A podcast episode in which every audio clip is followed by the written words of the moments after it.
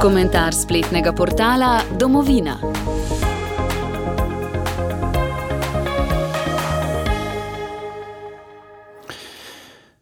Tokrat nosi naslov Ambrožov most kot manifest za novo ekonomsko-liberalno politično gibanje.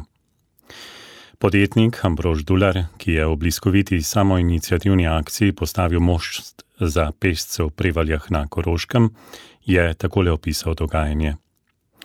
Zjutraj sem pri mostu srečal župana, ki je hodil okoli vas obupan, ni vedel, kaj naj naredi.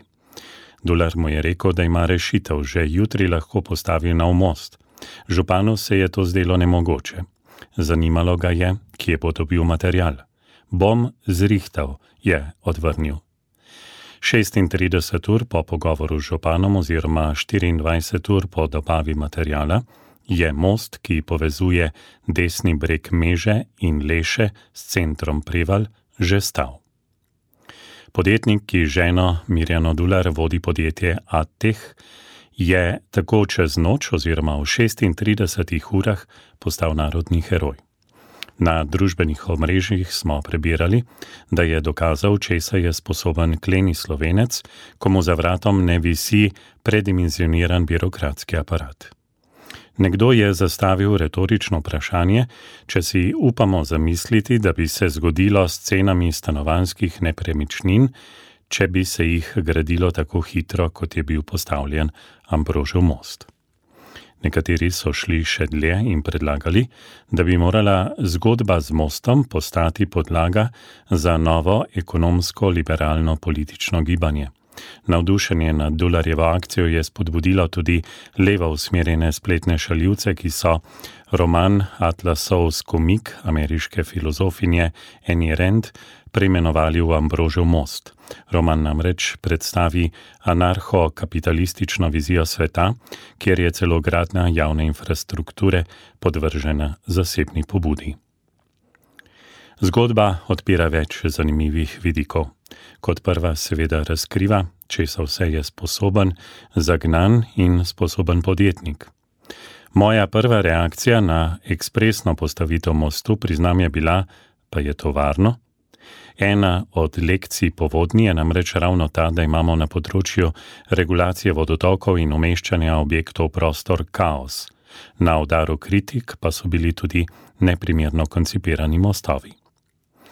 Inženir Marjan Pipenhaber, konstruktor Pelješkega mostu, je denimo razložil, da pri hudourniških rekah podpore nikakor ne bi smele biti v koritu reke, saj obstaja v tem primeru nevarnosti spodkopavanja temeljev, okrnjena pa je tudi pretočnost. Direktor inštituta za vodarstvo Primož Banovec pa je o mostu, ki ga je podrlo v kamniku za večer povedal. Zavod za varstvo kulturne dediščine je v svojih pogojih zahteval, da mora imeti nov most, ki se že projektira, obvezno sredinski opornik, ker ljudje lokalno to imenujejo plečnikov most, saj ima stebričke.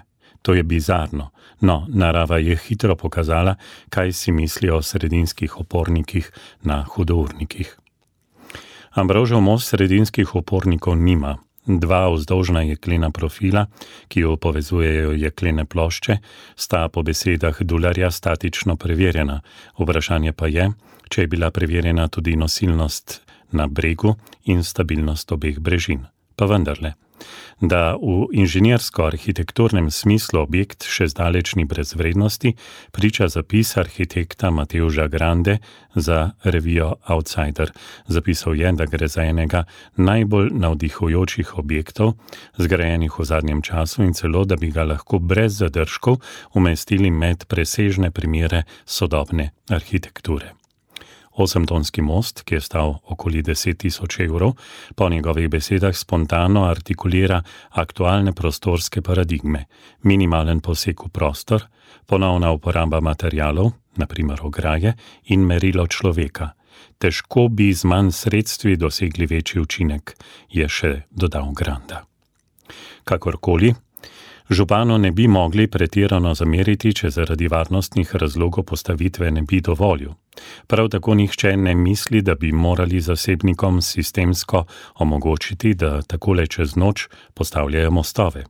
Kljub temu pa zgodba Ambrožovega mostu razkriva potencial podjetniškega sektorja, ki bi se ga dalo sprostiti z rahljanjem na kakšnem drugem področju. Cinik bi lahko rekel, da mora priti do naravne katastrofe, da se tega zave cela Slovenija. Slovenija je polna paradoksov. Preobilno državo imamo na področjih, ker bi morala biti vitkejša, po drugi strani pa povsem odpove na področjih, kjer bi se ji ne odrekli niti ve, največji svobodnjakari, naprimer pri regulaciji vodotokov. Popušča torej ravno tam, kjer ne bi smela popustiti, ne popušča pa tam, kjer je absurdno, da ne popusti. Ne gre torej za vprašanje, ali rabimo več ali manj države, ampak kje jo rabimo več in kje manj. Pred dnevi je v okviru dobrodelne akcije na radio ena poklical obupan mož in oče, ki mu je zalilo na novo obnovljeno hišo. Zavarovati je ni mogel, ker leži na rdečem poplavnem območju. Pri tem se zastavlja vprašanje, kje je v takih primerih naša pogosto preveč pokroviteljska oziroma paternalistična država. Škatlice za cigarete so zaradi regulacij tako odurne, da jih človek niti pogledati več ne upa po drugi strani pa lahko veselo gradimo na nevarnih območjih. Tako je v komentarju na domovina.je zapisal Jani Lovšin.